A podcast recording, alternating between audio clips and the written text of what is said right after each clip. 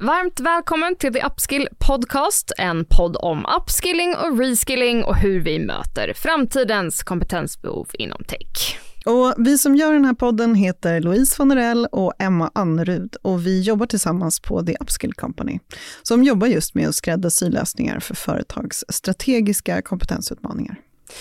Och I det här avsnittet ska vi prata om hur man bygger bra och starka team.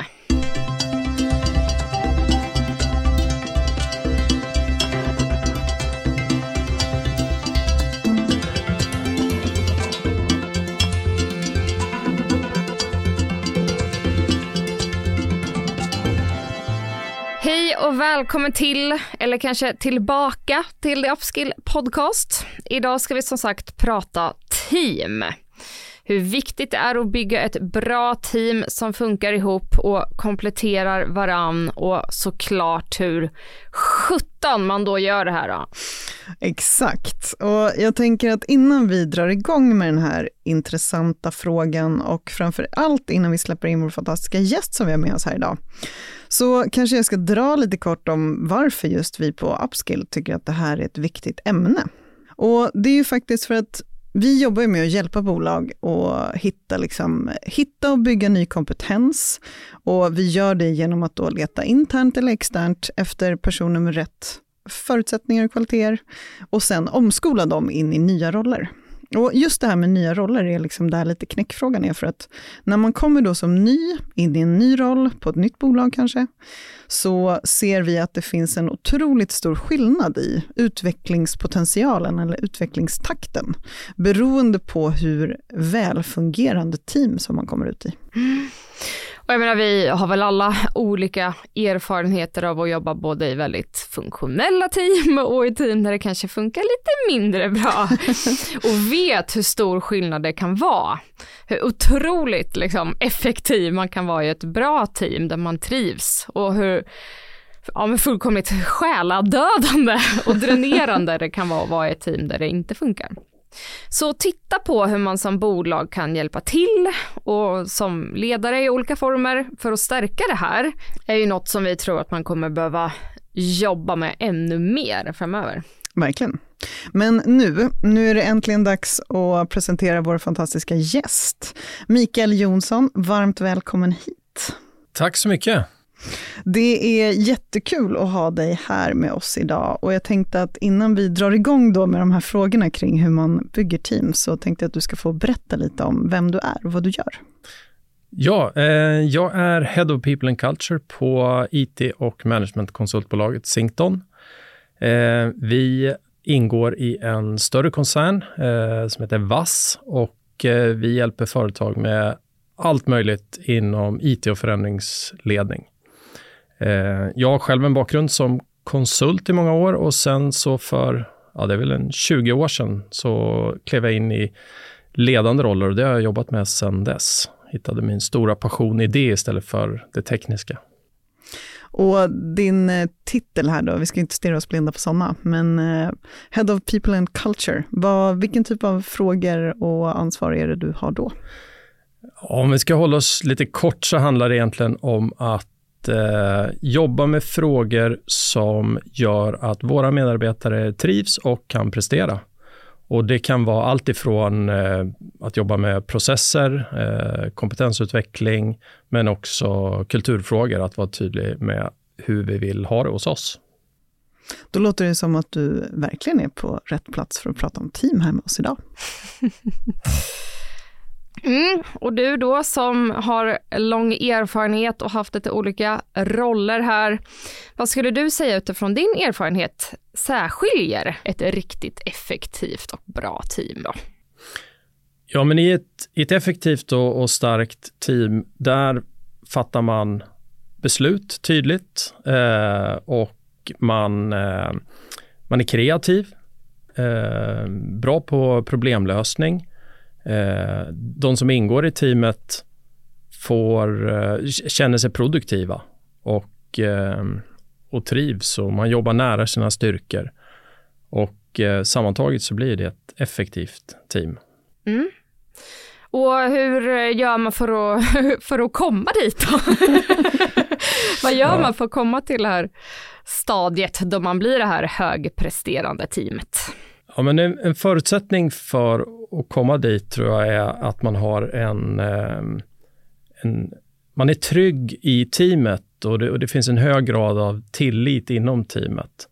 Så att, eh, och det, det är ju en grundförutsättning om vi tittar på hur vi människor fungerar. Att om jag, om jag känner mig trygg, då kan jag göra fel, jag kan ställa frågor, jag kan komma med en åsikt som eh, kanske är motsatt mot den som precis uttalades. Och, och, min omgivning kommer lyssna på den och värdera den utifrån vad jag faktiskt säger. Och eh, det, är ju det är sånt som så säga, utmärker eh, miljön i ett, i ett eh, effektivt team. Mm. Och hur tar man sig dit? Då? Ja, det, det börjar med ledarskapet.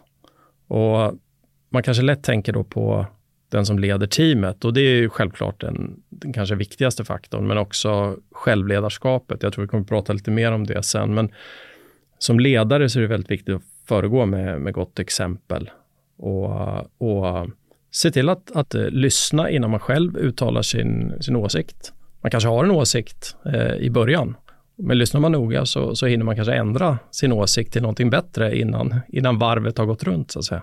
Men det där tycker jag är jätteintressant. Jag har haft tidigare eh, ett eh, Ehm, ett exempel där det kommer till att eh, det här är tydligen någonting som man jobbar med mycket på Google. Att man, eh, man försöker se who's the hippo. och hippo är då liksom the highest paid person opinion.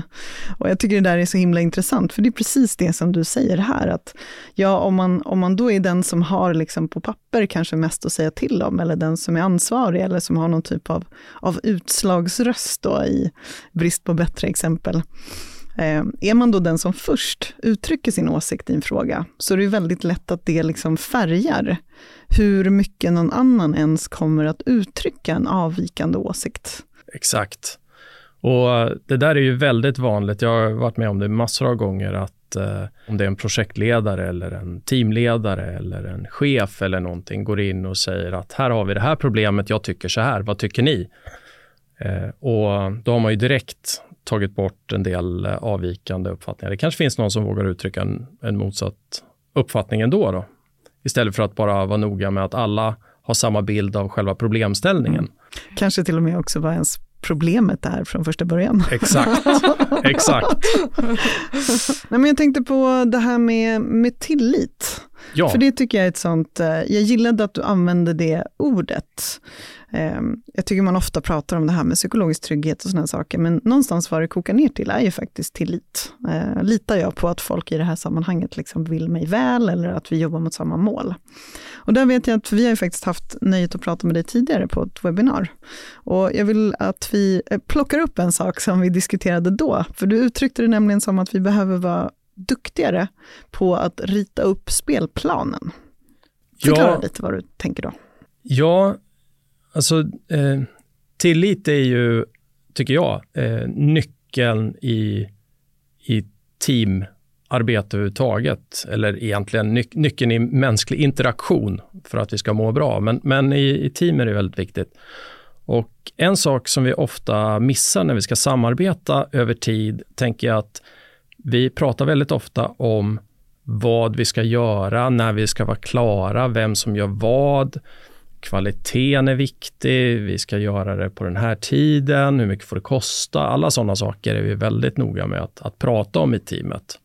Det vi ibland glömmer bort är hur vi ska agera sinsemellan tycker du är väldigt snäll när du säger ibland. Jag vet inte om jag kanske någonsin har... Vilken kollega refererade du till nu? ja, ja nej, men det, det, tyvärr, tyvärr har du nog rätt, Louise. För att eh, vi, vi, eh, vi blir ofta luddiga och otydliga när vi ska prata om hur vi ska samarbeta, hur ska vi ha det tillsammans vilka regler gäller och, och, hur ska vi hantera olika situationer som kommer att uppstå.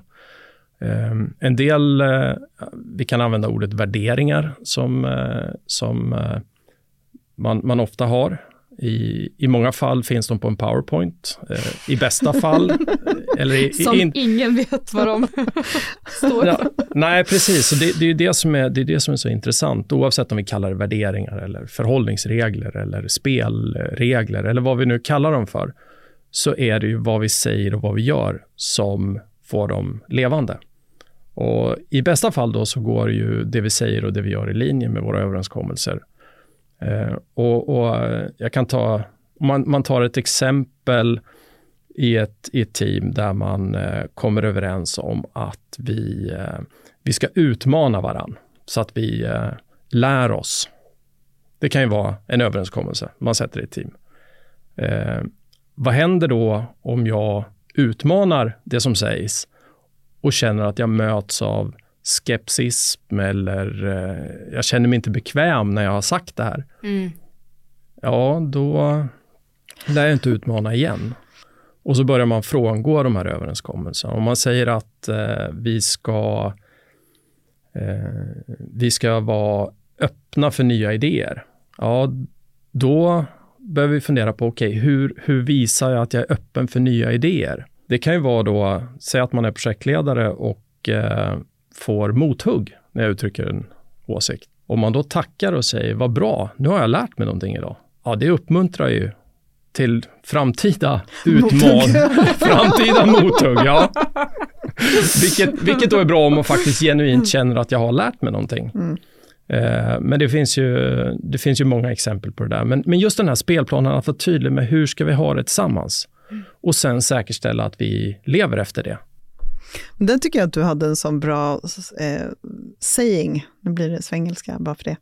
Eh, du hade ett sånt bra uttryck när vi pratade sist, nämligen, eh, nu blir det lite engelska ändå, men eh, common sense är inte samma sak som common practice. Exakt. Och jag tycker den fångar så himla mycket av det där med att säga, ja men det är klart att jag som är eh, extremt nitisk när det kommer till att komma i tid, tycker att det är självklart att man kommer i tid. Och vet man med sig att man blir sen, då säger man fan till. Det är liksom, men jag menar, jag har ju ändå varit ute i arbetslivet eh, väldigt, väldigt länge vid det här laget och vet ju att det är absolut inte så. Även om jag tror att alla jag har jobbat med säger att så här, ja, men det är klart att det är viktigt att, att komma i tid. Men sättet som vi tar oss an vad det betyder är ju just ofta väldigt, väldigt odefinierat. Jag är ju inte lika nitisk när det gäller sånt. Jag tycker, tycker det finns en fem minuters spann som är okej. Okay. Ja. Ni kanske har en spelplan och krita här. Exakt. Ja. Nej men det är precis, precis som du säger här Louise, att vi, vi har ofta med oss en uppfattning om att så här borde det naturligtvis vara. Vi utgår från oss själva och våra tidigare erfarenheter och eh, låter det styra och så tror vi att alla andra tänker likadant. Istället för att faktiskt säga, okej, okay, hur, ska vi, hur ska vi ha det nu? Ja, det behöver ju faktiskt inte vara så himla svårt heller. Nej, det, det är väl lite det som är äh, grejen här. exakt. Och eh, där, vi, där vi började det här resonemanget då kring, kring att krita spelplanen, så skapar ju det, när vi, när vi blir tydliga, när vi artikulerar hur vi vill ha det sinsemellan och inte bara vad det är vi ska göra för någonting, ja men då blir det ju lättare att förhålla sig också. Det, blir, det skapar trygghet i sig. Tydlighet skapar ju trygghet. Då vet vi vad som gäller. Det kan väl också vara ett sätt att eh, lämna liksom lite utrymme för att också öppna upp för när någon inte liksom kanske gör det då som man har kommit överens om. För är det de här outtalade reglerna eller förhållningssätten, ja men då är det inte fullt lika lätt. Och jag menar precis som exemplet som du drog med, om vi har sagt att det ska vara högt i tak eller det ska vara liksom, vi ska utmana varandra. Okej, men om jag inte vet vad det betyder, hur ska jag då kunna säga, men hörru Micke, mm. nu utmanade jag dig som du har sagt att jag ska göra och sen fick jag skit för det. Liksom. Ja, precis. Mm. precis. Och, och, därför, därför är det superviktigt att, att faktiskt eh, konkretisera hur, hur låter det när vi lever efter det vi har sagt. Vad är det vi gör, vad är det vi säger? Eh, för ta en sån sak som eh, engagemang, visa engagemang. Eh, det ser väldigt olika ut hos olika människor. På vissa människor så syns det knappt att de är engagerade. På Emma syns det överallt. ja, det, det, lyser och det syns verkligen. Och, och jag menar, eller vi ska visa respekt. Mm. Ja, hur gör man det då? Mm. Eh, ja, det kan ju vara bra att prata igenom. Mm. Men, men som du var inne på här Louise, att, att då har vi också eh, då har vi faktiskt möjlighet, om vi har tydliga överenskommelser, då har vi möjlighet att korrigera när någonting blir fel. För det är det enda vi kan vara säkra på, att det blir fel. 100% av oss är människor mm. och eh, vi gör fel. Och vi tolkas fel och det blir missuppfattningar. Ja, men har man någonstans kommit överens om liksom vad, eh, vad de här orden då betyder, så är det ju också mycket lättare då, och det är någonting som faktiskt vi pratar väldigt aktivt, jag måste säga väldigt aktivt med våra upskillare om, att så här, berätta vem du är. Om du inte är en sån, för nu har vi bestämt då i våra värderingar, hypotetiskt exempel, att vi ska vara engagerade. Eh, och då kanske man vet med sig att så här, men jag är inte den som hux flux säger saker på möten, eller så här, jag behöver ta in och tänka lite på vad det är vi har sagt, och sen kan jag komma med mina inputs till det. Och då är det ju så himla lätt att bli den som uppfattas som att man är oengagerad, för att man aldrig säger något på möten. Och då ger vi faktiskt våra upskillar väldigt handfasta tips. Så här, berätta vem du är nu när du kommer ut ny på den här arbetsplatsen. Berätta vilken typ av mötesperson du är, eller vad du kommer behöva för typ av hjälp för att kunna liksom då arbeta enligt de reglerna eller liksom värderingarna som man nu har på det här stället. Sätt rätt förväntningar. Ja, exakt.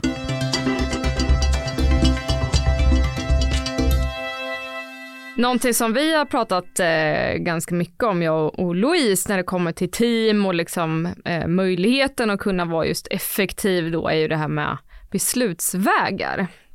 Vill vi nämna någonting om det? Ja, det, det är ett annat område. Eh, nu har vi pratat lite om personer här, men personlighet. Men, men eh, effektiva team har alltid väldigt tydliga sätt att fatta beslut. Eh, det är ofta någonting man pratar igenom. Hur fattar vi olika typer av beslut? Var fattar vi besluten? Gör vi det i teamet? Vilka frågor bestämmer vi över? Vilka frågor vi är alltid beroende av vår omgivning. Vilka frågor ligger utanför teamet och hur får vi beslut kring de frågorna? Vem lyfter dem? Var lyfter vi frågorna? Eh, och, och tittar vi på organisationer där det finns effektiva team så tror jag, nu gissar jag lite, men jag tror att eh, man har varit ganska tydlig med hur beslutsfattandet runt teamet ser ut också. Det är väldigt svårt att vara en isolerad ö, supereffektivt team i en, i en övrigt ganska rörig organisation. Tycker du att det finns någon, eh, finns det liksom någon skala av bättre eller sämre sätt att liksom låta team fatta beslut? Eh, man pratar idag om liksom så här, autonoma team, vi har allting med liksom agila eh, team jag tycker att många idag, det här är verkligen inte sticka ut hakan på något sätt, men det är väldigt många organisationer som pratar om de sakerna och där man vill att man liksom ska få in självstyret och man ska liksom få det här, men som är mer kanske snack än verkstad. Ja, men eh, det här med agila team, jag, jag tycker det är spännande för att eh, teoretiskt så har jag uppfattat det som att man, man söker efter, efter arbetssätt som går i linje med hur vi människor fungerar. Eh, transparens, öppenhet, tydlighet, eh, man, eh, man gör korta avstämningar, man, man, eh, man vet vem som gör vad. Allt det här som, som vi tror jag alla gillar. Och sen så har man paketerat det på lite olika sätt. Men i, i grunden ligger ju hur vi människor motiveras. Eh, att för att om man ska uppleva, om man ska uppleva inre motivation och, och, verkligen stark motivation, då är det ju sammanhanget. Jag förstår vilket sammanhang, jag tillhör ett sammanhang och jag förstår vilket sammanhang det är. Det är just autonomin, att inom tydliga ramar så har jag möjlighet att styra min dag, jag har möjlighet att fatta beslut, jag vet vilka beslut jag får fatta. Eh, och mycket kompetens. Jag, jag jobbar, större delen av tiden så jobbar jag nära mina styrkor, jag jobbar med saker jag kan och eller med sånt som gör att jag växer på ett sätt som, som jag gillar. De tre grejerna är ju det som skapar en inre motivation. Det där är jättetydligt tycker jag. Eh, när man också springer på människor i olika i olika liksom grader kanske då av ansvar ute på stora bolag kanske framför allt där man, jag i alla fall uppfattar en väldig skillnad i de som känner att de har just att de kan påverka beslut som rör dem, kontra där det blir liksom processen av det hela. Eh, och där alla beslut liksom bara försvinner ut i någon organisation. Ja, men då är det klart att du inte blir så himla engagerad i så här, varför ska jag anstränga mig för A, B eller C, vilket jag nu tycker är bäst. Om det ändå är någon annan som fattar beslut om vad det slutligen blir. Ja, eh, och, och, det är ju, eh, det, det, där är ju väldigt vanligt tycker jag, tyvärr, att eh, man man drabbas av en känsla av att det spelar ingen roll. Det ligger bara någon annanstans i alla fall. Eh, jag tänker att vi också måste prata lite om vad man gör och kanske vad man börjar när det är något som inte funkar i ett team då. Eh, när det finns något som skaver eller kanske någon som skaver. För så kan det vara ibland också. Eh, och lite så här, vem är det som, vem, vem ligger det på? Vem är det som ska, som ska ta tag i det här då, tycker du? Det där är, det där är en jättebra fråga. För att eh, det största och vanligaste felet, det är att man inte tar tag i det. Speciellt om det är en person som kan, i teamet som kanske sitter på speciell kompetens eller är mer erfaren.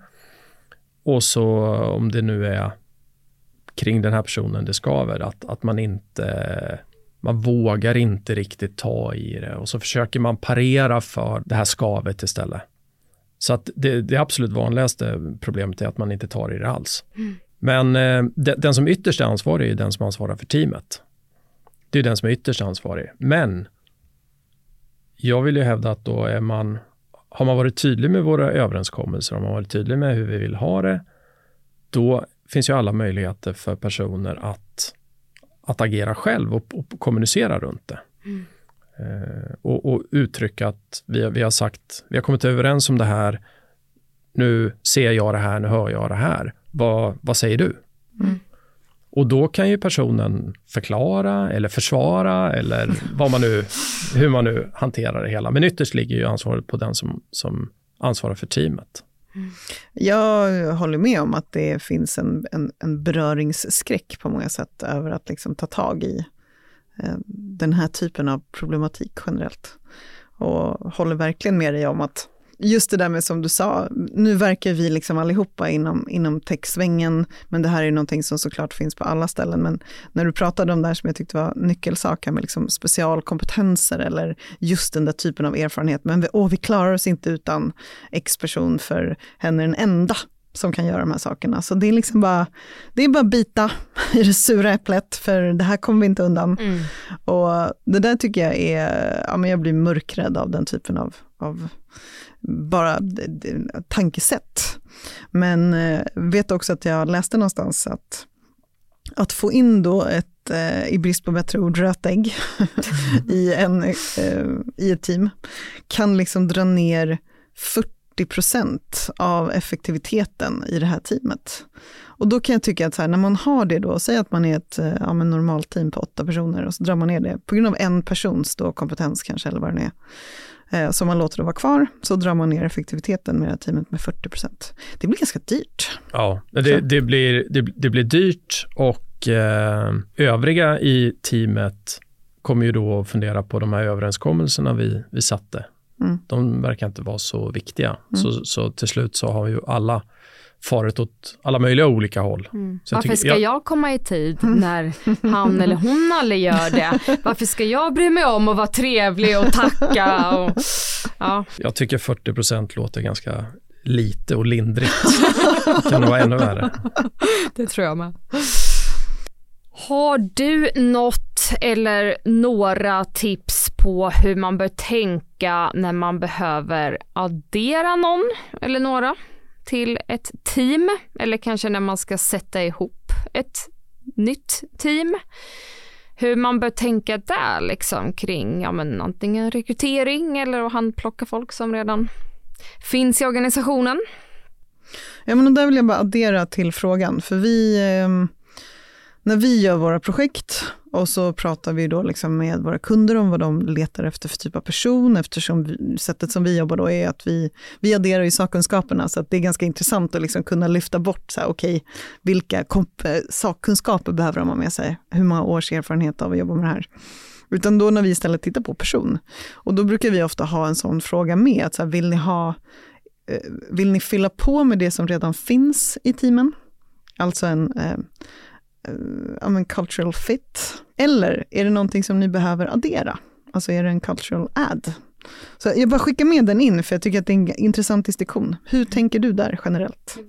Um, nej men om man ska sätta ihop ett, ett team, så uh, min erfarenhet är att uh, en blandning av erfarenheter adderar till effektiviteten.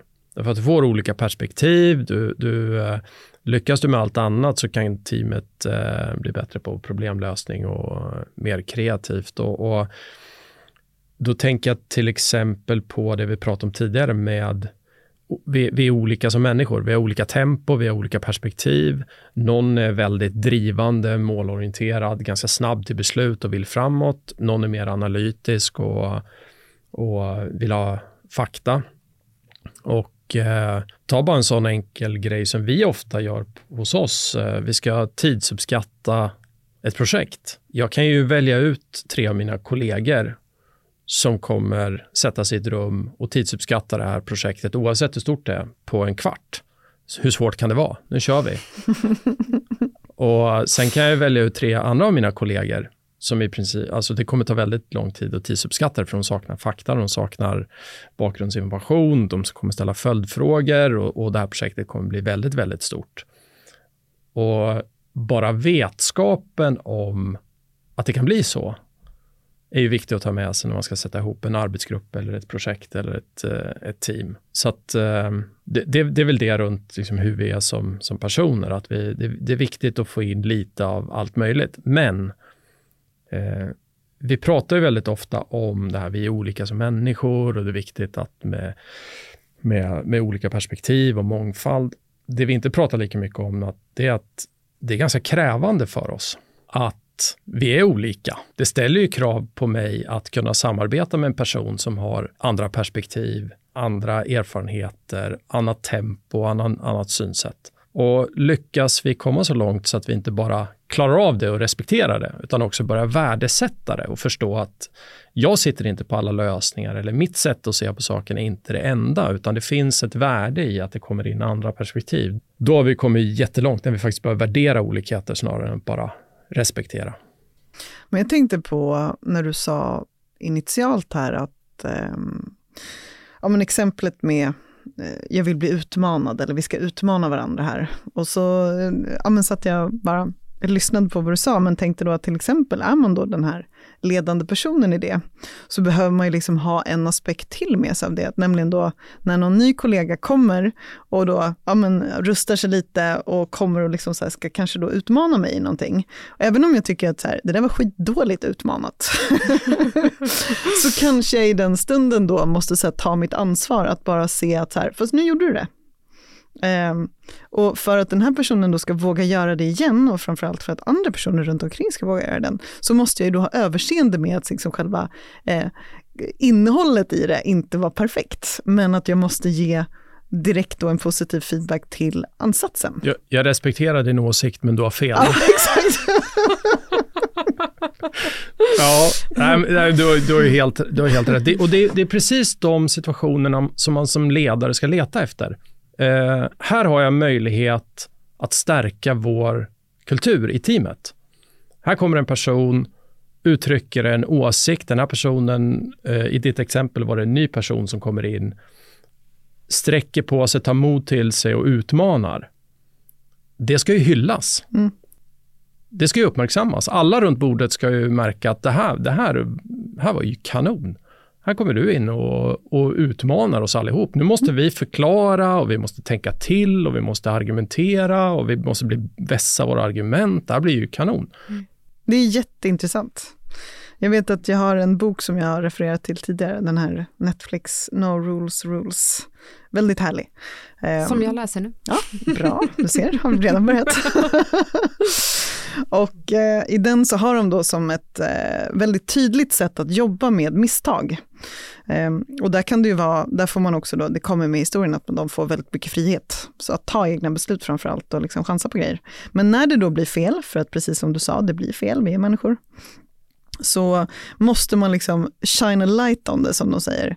Då måste du typ skriva en liten rapport och dela med hela företaget. Att bara säga, det här var mina ingångsvärden som jag hade när jag tog det här beslutet. Jag hade tänkt att det skulle falla ut på det här sättet av de här anledningarna. Istället hände det här, för att de här grejerna hade jag inte tänkt på. Och jag visste inte om att det funkade på det här sättet på den här marknaden eller bla bla bla bla bla. Och bara, det här är mina learnings. Och någonstans, det sätter fingret på så mycket i att så här, ja men det är klart, det är så vi ska göra. Mm. Ja, men alltså, och det, det, det är ett väldigt konkret exempel på att vad, vad värderingar eller överenskommelser eller kultur eller vad det nu är, vad betyder det i praktiken? Jo, i praktiken betyder det det här. Mm. Så det är ju ett jättebra exempel på, på det konkreta. Men mm. om vi får fråga en till konkret fråga då. Och du får nu säga pass om du inte vill avslöja alla Singtons affärshemligheter. Säg det på en gång. Men eh, vi pratade lite initialt om det här med att, ehm, eller vi pratade om att rita upp de här spelplanen. Har du något sånt enkelt, enkel lathund som ni jobbar med när det kommer till att sätta förutsättningarna i ett samarbete? Ja, jag kan berätta hur, hur vi gör för att jobba med vår egen kultur. Mm. Eh, vi har ju definierat eh, tre värdeord och beskrivit vad de betyder för oss med i lite mer löpande, löpande text. Och sen eh, jobbar vi med workshops i olika sammanhang där vi tittar på de här orden och sen så säger vi vad är det du säger eller gör som signalerar det här. Och I vårt fall då så, så är det till exempel nära. Det, det, det, har väldigt mycket att göra med relationer, att vi värderar det, det, det mänskliga, att, att vara omtänksam och så vidare.